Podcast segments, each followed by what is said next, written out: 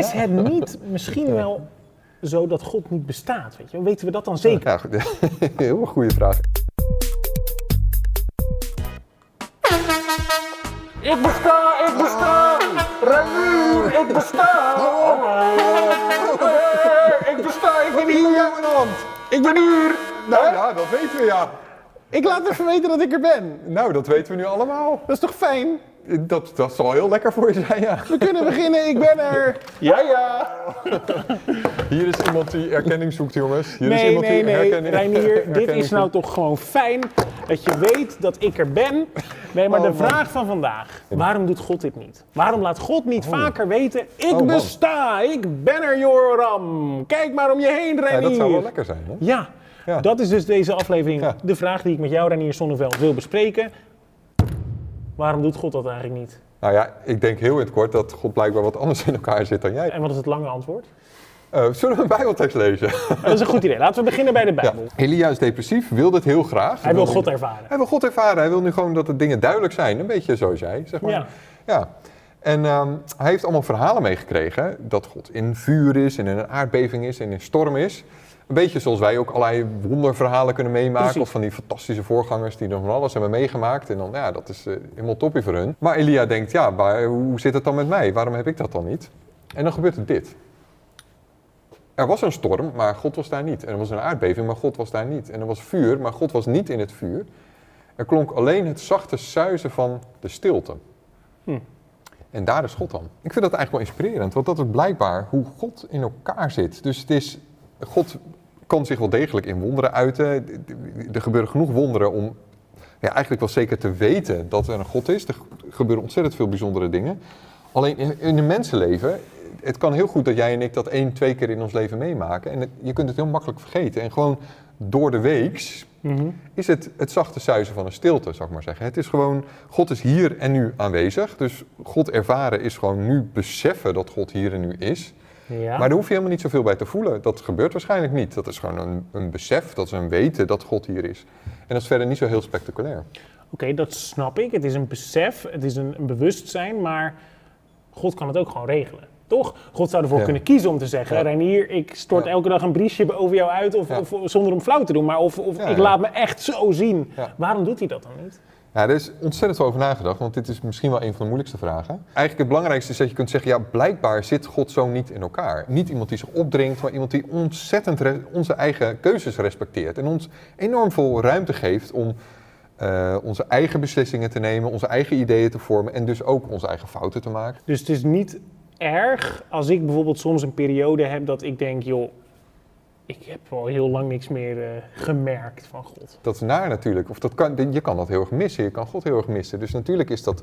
Alleen het is niet iets wat onverwachts is. Het is iets wat bij God past. Bijna alles wat God doet is dubbelzinnig. In de zin dat het niet helemaal duidelijk is. Het is niet een keihard bewijs. Het- je kan het altijd voor meerdere uitleggen.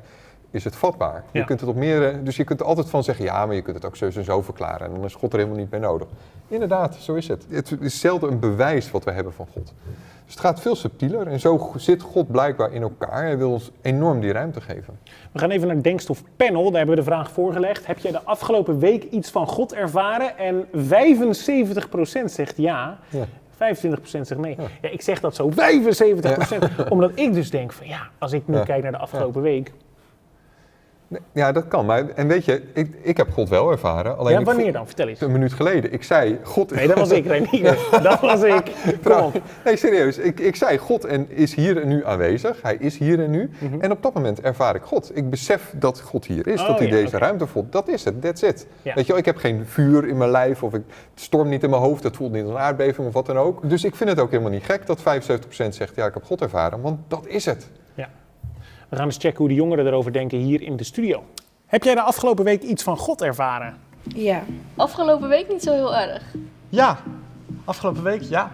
ja. Het zijn gewoon echt random willekeurige momenten. Opeens is daar die, nou ja, overweldigende, fascinerend mooie aanwezigheid van God die ik die- even dan heel intens ervaar. En dat vind ik gewoon heel gaaf. En wat, wat voel je dan? Ja, het is een soort liefde die opbrandt vanaf het binnenste van mijn hart van... Yes, ik hou van hem met heel mijn hart. Ik wil helemaal, nou ja, voor hem leven, zeg maar. Wauw. Ja, dat was een beetje een gekke week. Ik had een beetje gedoe. Het liep niet helemaal soepel, ook met, eh, met school en alles. Misschien had ik dan andere verwachtingen van God. En dat het plan van God toch anders was dan ik zelf in mijn hoofd had. Ik zelf vind dat ik een hele goede relatie met God heb. En die ervaringen dat ik God voel, dat zorgt nog voor een versterkende relatie. Als ik het moeilijk heb, dan ga ik bidden en vaak word ik dan zelf gewoon weer lekker rustig. De zenuwen zijn dan weg. Wat als je hem niet voelt een tijdje? Ja, dan voel ik me alleen en dan word ik ook droevig. Hoe ervaar jij Gods aanwezigheid normaal dan, in een andere week? Ja, ik weet niet of je dat normaal kunt noemen eigenlijk. Het is toch wel iets bijzonders ergens. Ik denk wel in mijn gesprekken met mijn vrienden wat die dan zeggen v- voor advies geven. Dankjewel. Ja, Reinier, deze jongeren ervaren Ja. God gewoon aan de lopende band. Nou, die, Benly niet- even niet deze week. Want het zat een beetje tegen.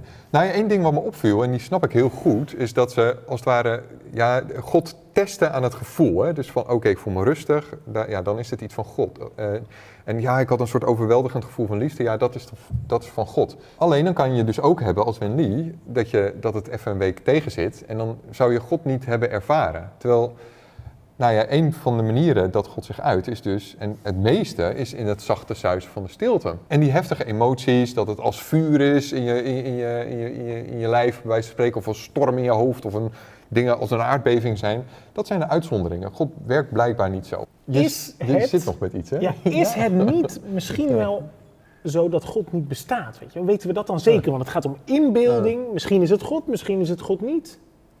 Ja, heel goede vraag. En we weten het niet zeker. We weten het gewoon niet zeker. Dus de, de aanwijzingen die er zijn, zijn dubbelzinnig. Er zijn argumenten voor God, er zijn argumenten tegen God. En iemand die zegt, ik weet het zeker, dat, eigenlijk geloof ik dat niet zo. Eh, wat- Heel veel mensen zeggen dat. eh, ja, maar eh, van beide kanten. Dus er zijn ook heel veel atheïsten die zeggen, ik weet het zeker dat God niet bestaat. En daar hebben ze dan ook allemaal redeneringen voor.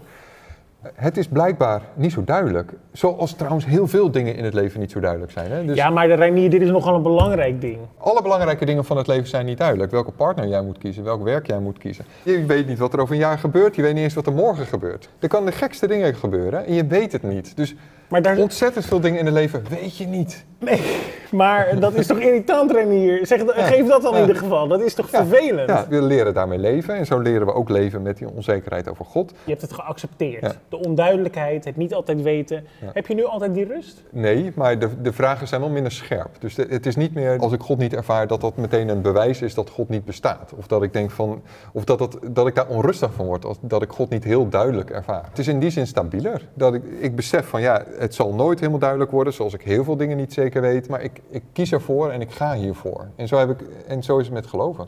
Ik kies hiervoor, ik ga hiervoor om op deze manier in het leven te staan en om op deze manier naar het leven te kijken. God bestaat waarschijnlijk. God bestaat waarschijnlijk en ik wil vooral op deze manier leven. Ik wil leven alsof God bestaat. Dus minder focussen op de bijzondere momenten. Ja. Meer focussen op God is in het hier en in het nu. ja. En dat kun je altijd ervaren. Dat gebeurt altijd. Mooi.